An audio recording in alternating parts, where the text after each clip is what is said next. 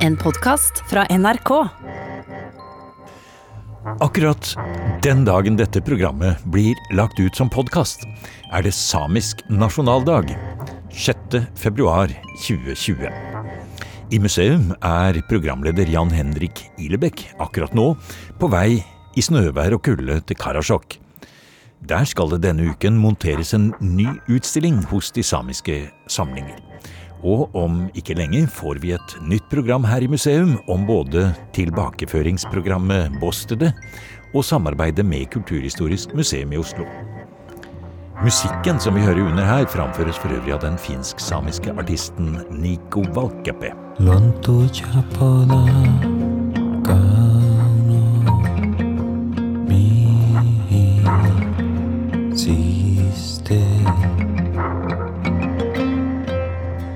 Men nå skal vi tilbake til museums lagerhyller, hvor jeg fant et godt stykke inne et program som aldri har blitt sendt i reprise, og som jeg synes passer veldig fint som podkast på den samiske nasjonaldagen.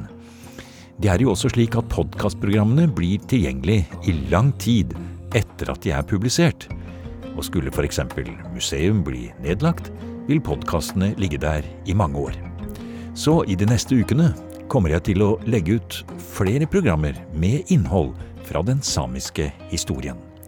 Annet to spesialprogrammer om Kautokeino-opprøret i 1852.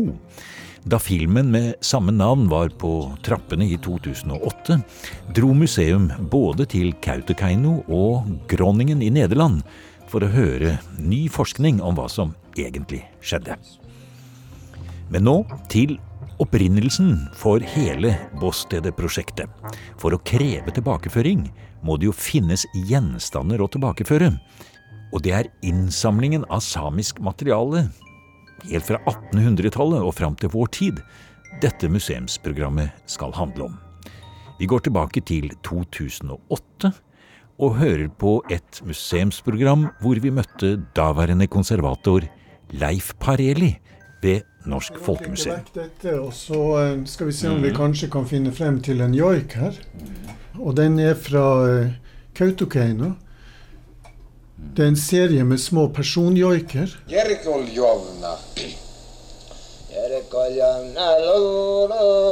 la, la, la, la, la, la, la, la, la,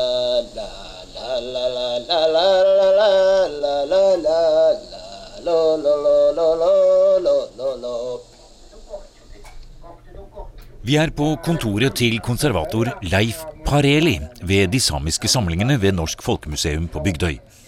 Språkeksemplene og personjoikene er en del av det store lydarkivet som professor Asbjørn Nesheim bygde opp på 1950-tallet, den gang han var den første lederen av Folkemuseets samiske avdeling.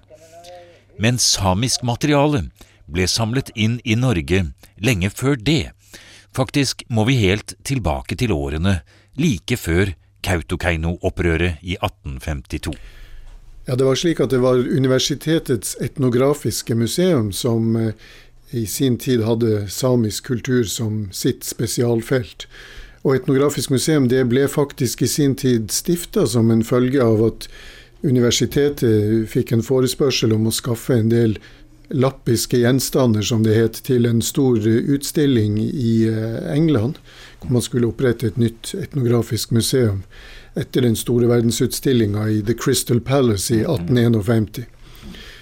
Um, og da samla man en del samiske gjenstander, og man tok til og med gipsavstøpninger av en del samer da, og, og, sendte av gårde. Ja, altså gipsavstøpninger av Av hodene Av til eh, ja. navngitt Ikke hodeskaller, men av eh, hodene til navngitte samiske personer. Eh, og så beholdt man da noen, av, noen kopier av disse gipshodene til egen bruk. Og så fikk man i bytte for dette noen forskjellige smykker og våpen og redskaper fra forskjellige steder ute i verden, som jo engelskmennene stort sett hadde god kontroll over. De hadde tatt det fra sitt store imperie. Det hadde si. de nok. Ja, ja. Så der satt plutselig Det kongelige Fredriks universitet med en, eh, en samling av eh, eksotika og etnografika osv. Pluss disse samiske eh, gipshodene og, og andre samiske gjenstander. Så det ble altså da den etnografiske samling, og den, etter noen år så organiserte man det litt bedre og åpna dørene for at publikum skulle kunne slippe til. Og det var altså i 1857, og det regner da Etnografisk museum som, som sitt opprettelsesår. Så det er et av de eldste etnografiske museer i verden. Nå en del av det som heter Universitetets kulturhistoriske museum. Så man kan si på en måte at uh, en del samiske gjenstander uh, ble på en måte har valuta i etnografiens verden, og førte til både at eh, det norsk-samiske ble kjent ute, og at det også da kom en hel rekke gjenstander inn til noe som egentlig ikke var et museum, men som ble det pga. dette. Ja, og det er jo eh, hele den eh, måten som Etnografisk museum oppsto på, sier også noe om datidens interesse for både for det eksotiske og Eh, det inngår jo i en europeisk eh, samtidshistorie, selvfølgelig. med Dette er jo den europeiske kolonitidens gylne periode, hvor man reiste ut og underla seg andre deler av verden. Og det ble jo igjen para med en ideologi om europeernes eh, hva skal man si deres rasemessige og kulturelle overlegenhet over andre folk. Og dette var jo tankegods som også da ble anvendt i forhold til det samiske. Slik at man kan si at samene gikk på en måte med i mye av den samme eh, kulturhovmodsholdninga som man hadde overfor folkeslag andre steder i verden. Og det ser man jo veldig tydelig i holdningene til det samiske utover 1800-tallet, at det får en stadig tydeligere slik rasistisk og, og kulturimperialistisk utvikling. Den blir altså som du sier, sterkere og tydeligere utover mot slutten av 1800-tallet. Ja, den vokser. Mm. Ja, og den avspeiler seg jo f.eks. i eh, diskusjonen om samenes opprinnelse. De første norske historikerne, sånn som Keiser og Munch osv., de så jo på samene som en, eh, en slags urbefolkning som hadde vært i Nord-Europa før nordmennenes forfedre, altså indoeuropeerne, kom feiende inn med sine hester og sitt jordbruk og alt det der. Um, og så svingte pendelen eh, fullstendig mm, utover annen halvdel av 1800-tallet. Og da gikk man i stedet for over til å se på samene som en, et fremmedelement som hadde kommet innvandrende til Norge og, Nordkalotten i forholdsvis sen historisk tid. Altså Man har Yngvar Nilsens berømte såkalte fremrykningshypotese, at samene altså hadde rykt nordfra og sørover. Yng Yngvar Nilsen eh, her ja, på bordet her. Ja, det gjør det. Ja, og Han hadde den oppfatningen, ja. ja. ja. Og du kan si at det inngikk jo i en samtidig eh, politisk eh, situasjon hvor det var viktig å få fastslått at eh, den fastboende norske bondebefolkninga hadde sterkere historiske rettigheter enn samene, altså i dette, i dette tilfellet reindriftssamene, som jo flytta rundt og, og, ble ansett for å være kulturelt eh, laverestående i forhold til, til den norske bondestanden. Så der kan man si at, eh, at forskning, og man må nesten si forskning i gåseøyne, at den egentlig tjente som et middel til å, å rettferdiggjøre politiske realiteter i samtiden.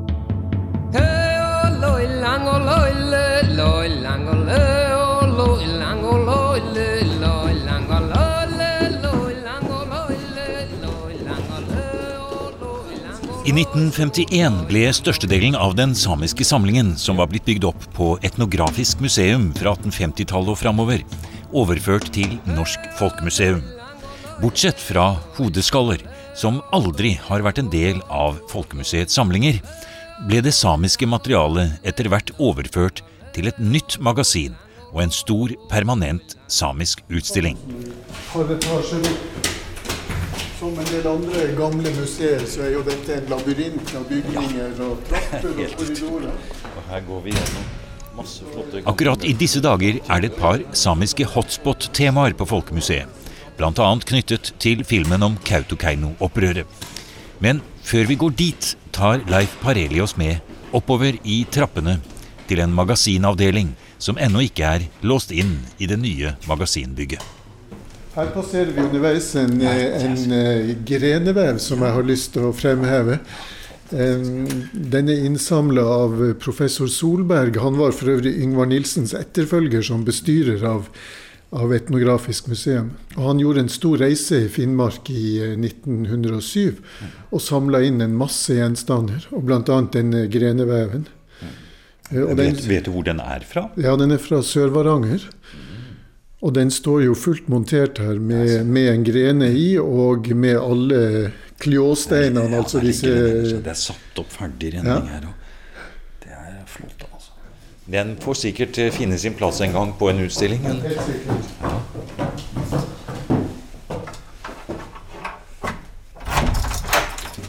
Her er det så lavt under taket at man må være litt forsiktig så man ikke dunker hodet oppi her polstringen på alle takbjelkene. Å, kjenn den lukta, ja. Det er eh, nær sagt en museumslukt, så jeg vet, kan ikke si med en gang om det er fra gjenstandene her, eller om det er noe fra noen kjemikalier som dere har brukt her, eller hva det kan være. Men det er jo helt fantastisk, det vi ser, da. I dette rommet så ligger det først og fremst eh, gjenstander som er forholdsvis store. Ja. Uh, her er en flott samling pulker. Her er vel en 12-14 pulker i dette rommet, og så har vi et par stykker som står andre steder på museet. Og her har vi også en som er veldig liten. Vi ser som står her i den første hylla her. De andre pulkene vi ser, de er jo veldig forseggjorte. De er malte, og det er sort og rødt osv. Men her har vi en som er helt uh, utvasket, da. Ja, og den er også litt spesiell, for den er faktisk uthula av bare ett stykke tre. Står det noe årstall her? Om denne så vet vi at den ble kjøpt i 1934 ja. av en mann som het Bertram M. Nilsen han var reisesekretær i mm. Norsk Samemisjon. Og var en, eh, en, ivrig innsamler til Etnografisk museum, og senere til Norsk Folkemuseum. Han, og han levde veldig lenge, og var altså gjennom mange år museenes viktigste innsamler av samisk materiale. Og jeg vil tro at over halvparten av samlinga som er her på Norsk Folkemuseum, er kommet inn gjennom den ene mannen. Og det er jo egentlig verdt å stoppe opp ved et lite øyeblikk. For, for mange er det kanskje en stor motsetning mellom når man hører samemisjon, samisk misjon osv., at det går ut på å nær sagt eh, ja, undertrykke samisk kultur og den opprinnelige ureligion osv. Mens i virkeligheten så kan kanskje det føre til bevaring både av språk og ikke minst dette med innsamling av materiale. Og det er kanskje faktisk noen positive ting å si om det også. Ja, Det er jo helt klart at veldig mye av det som eh, Bertrand Nilsen samla inn, det ville ha gått tapt hvis ikke han hadde, hadde rett og slett kjøpt det eller fått det og, og sendt det inn til museene. Fordi eh, de fleste samiske hushold var jo små. Folk bodde enten i telt eller i gammer eller i små hus. De hadde ikke oppbevaringsmuligheter for gamle, brukte ting. Ja, altså I motsetning til man kan si det norske bygdesamfunnet, der har man jo veldig ofte et stabbur hvor man kan sette oldefar sine utslitte ting bort.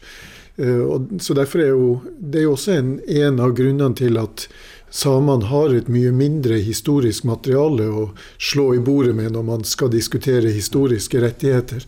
Det er jo bl.a. fordi de ikke har hatt de materielle mulighetene til å ta vare på så mye av arven. Hva var Bertrand Nilsens egen begrunnelse for å gjøre dette?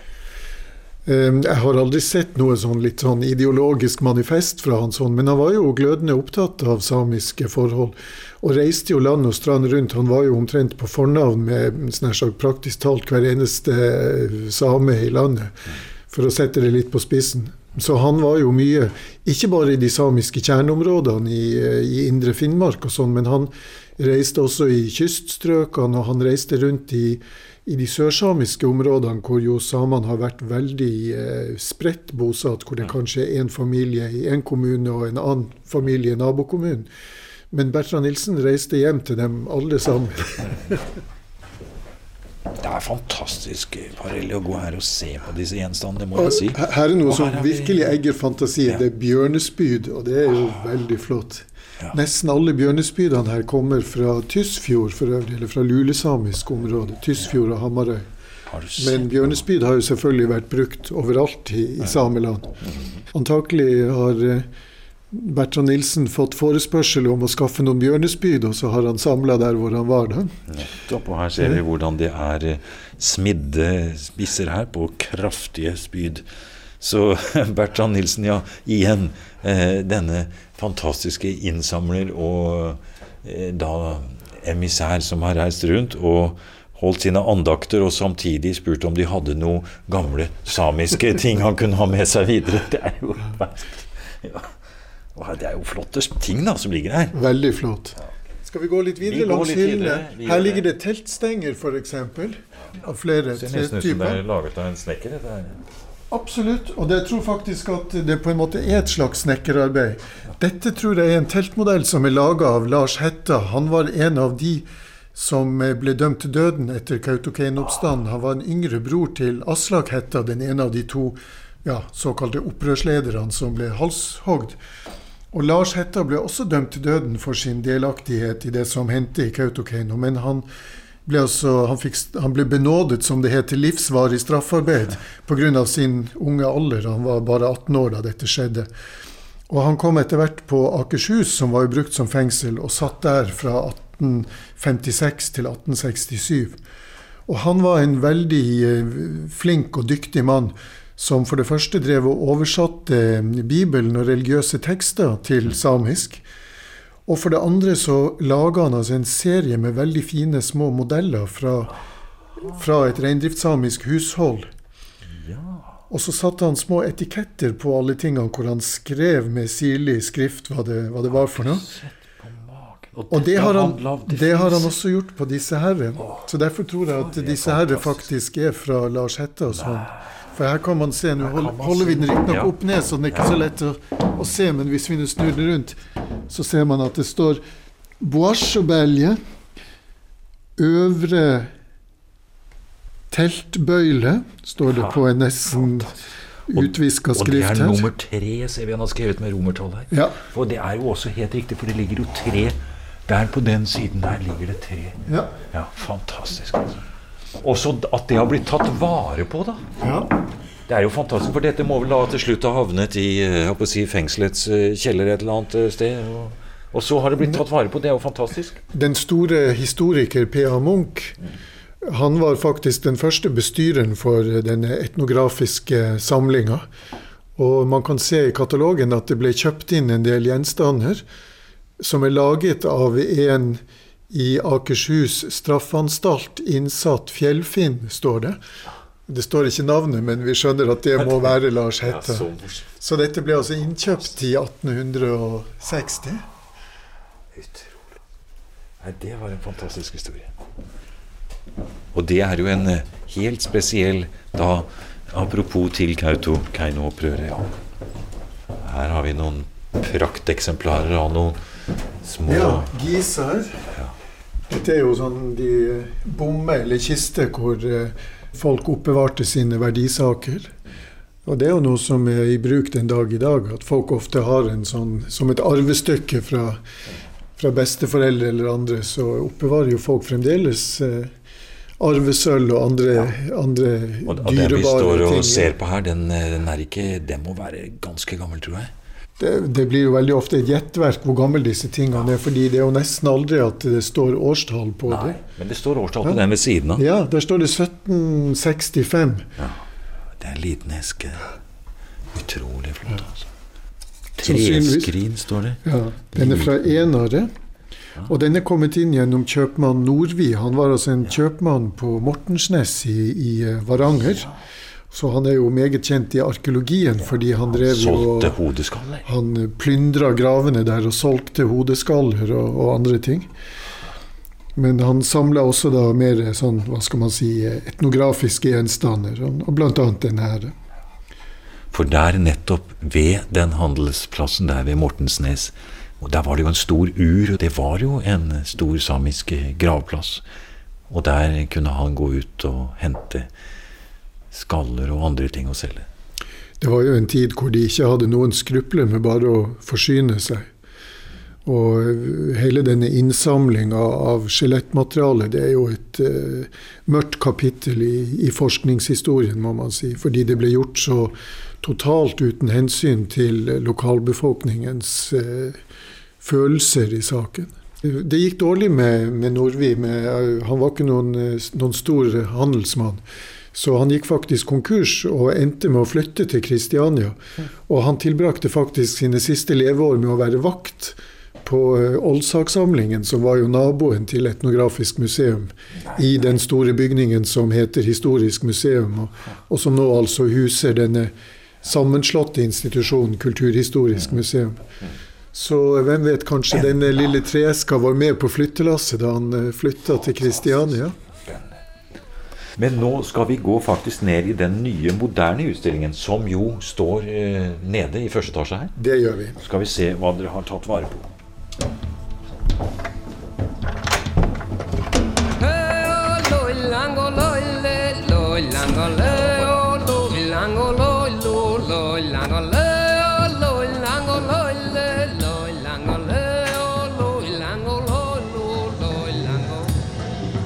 Og her kommer vi altså rett inn i kanskje den i den senere årenes mest eh, betydningsfulle samiske eh, kulturhendelse. Det er jo da 'Elva skal leve'. Her er vi midt inne i Alta-Kautokeino-striden med en gang. Ja, Vi står jo nå i den samiske basisutstillinga. Det er altså den faste utstillinga. Norsk Folkemuseum har hatt en fast samisk utstilling siden 1958. Og denne utstillinga ble åpna i 1990 og består jo først og fremst av en større del som dreier seg om man kan si, eldre tiders liv. Det var et savn at vi ikke viste mer av hvordan samer lever i dag. Og særlig fordi tekstene går jo veldig sånn Samene gjorde det, og de gjorde det. Så kan man nesten få inntrykk av at samene var et utdødd folk. Eh, og så er det selvfølgelig på mange måter et behov for å ha mer eh, samtidsstoff. Så derfor laga vi i fjor denne samtidsdelen som vi nå står inne i. Og den åpner nettopp som du sa med Alta-konflikten, fordi så veldig mye av det som har skjedd i samisk samfunnsliv, kulturliv, politikk osv. de siste 25-30 årene, det henger sammen med, eller hadde sin begynnelse med Alta-konflikten.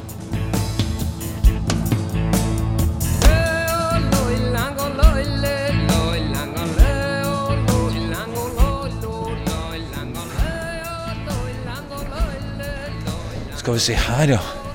Her har dere laget en liten spesialutstilling som er knyttet til Kautokeino-opprøret, som det jo heter. Dette er en såkalt hotspot. Det er en type utstilling som Folkemuseet og noen få andre museer lager.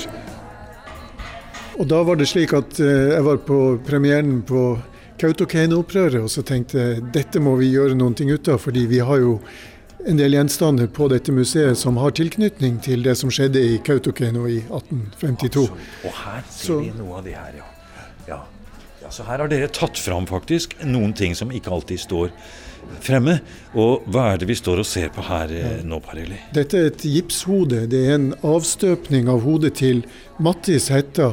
Han var den, den, eldste broren til den såkalte opprørslederen Aslak Hetta, som jo ble da halshugd etter Kautokeino-opprøret. Mattis Hetta han satt på den tida allerede i fengsel. Han var blitt dømt til, til fengsel eh, etter at han hadde bl.a. forstyrra gudstjenesten i Skjervøy kirke i sommeren 1851. Så han var ikke med på selve hendelsen i Kautokeino, men hans kone Ellen Skum, som er jo ellers hovedpersonen i filmen, hun var jo en aktiv deltaker i det som skjedde, og hun ble jo også dømt til døden da, men, men ble benådet.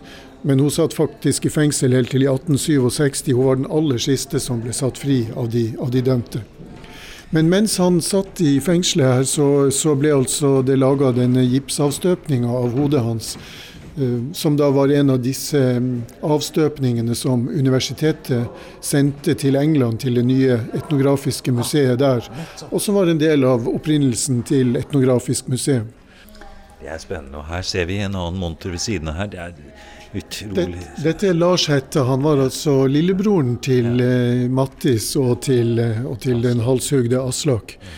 Eh, og han ble også dømt til døden for sin delaktighet i det som skjedde i Kautokeino, men ble altså benåda fordi han var så ung da det skjedde. Og kom da sammen med de andre mannlige fangene hit til Oslo og satt i, i fengsel eh, på Akershus. Og vi har jo allerede fått stiftet bekjentskap med noe av det han laget da han satt i fengselet. Nettopp. Og her ser vi litt er flere. Det, er det flere ting, ja? Her, Ah, her det er små, sånne flotte gjenstander. Bitte små modellgjenstander av bruksgjenstander i et reindriftssamisk hushold. Som han satt og lagde Ja. i fengsel.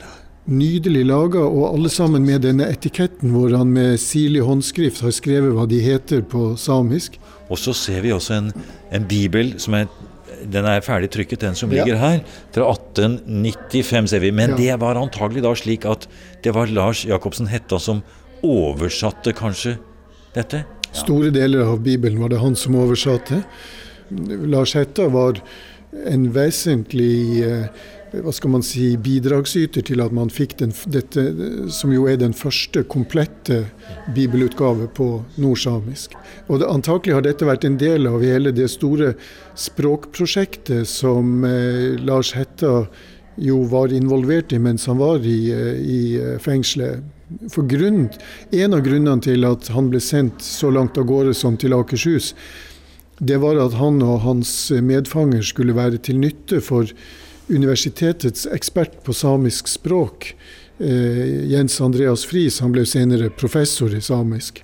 Og han hadde selvfølgelig veldig stor nytte av å ha samisktalende informanter som han kunne bruke i sin forskning og, og, og sitt arbeid. Så det er jo rart å tenke på at her blir da han eh, dømt, eh, Lars Jacobsen Hetta. Eh, men det han blir dømt til, det er da et, et mange, mange år langt vitenskapelig arbeid som går ut på å dokumentere den samiske kultur. Ja, det kan man si. Så man kan si at det kom jo egentlig også noe godt ut av, av det fengselsoppholdet. Som for øvrig må ha vært en veldig trist tid både for ham og for de andre fangene. Vi kunne ha stanset opp ved mange flere veikryss i den samiske historien, slik den er presentert her på Norsk Folkemuseum. F.eks.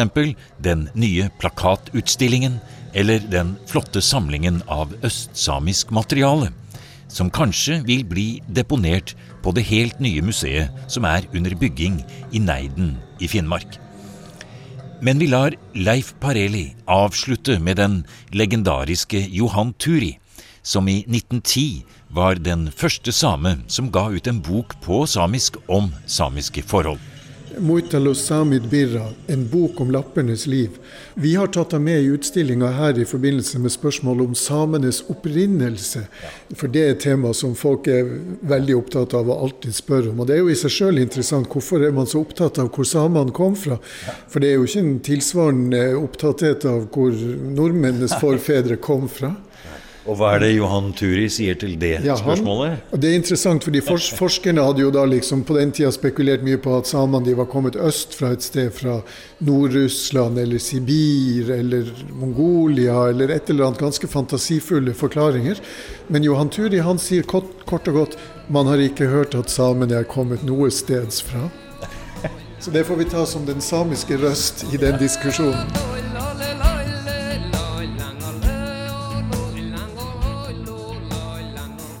I dette programmet som ble sendt i februar 2008, møtte vi konservator Leif Pareli på Norsk Folkemuseum. Det skulle gå ennå mange år før det østsamiske museet Neiden ble åpnet, og her i museum besøkte vi Neiden mange ganger i årene som fulgte, før museet endelig ble åpnet etter mange forviklinger. Du har hørt en podkast fra NRK. Hør flere podkaster og din NRK-kanal i appen NRK Radio.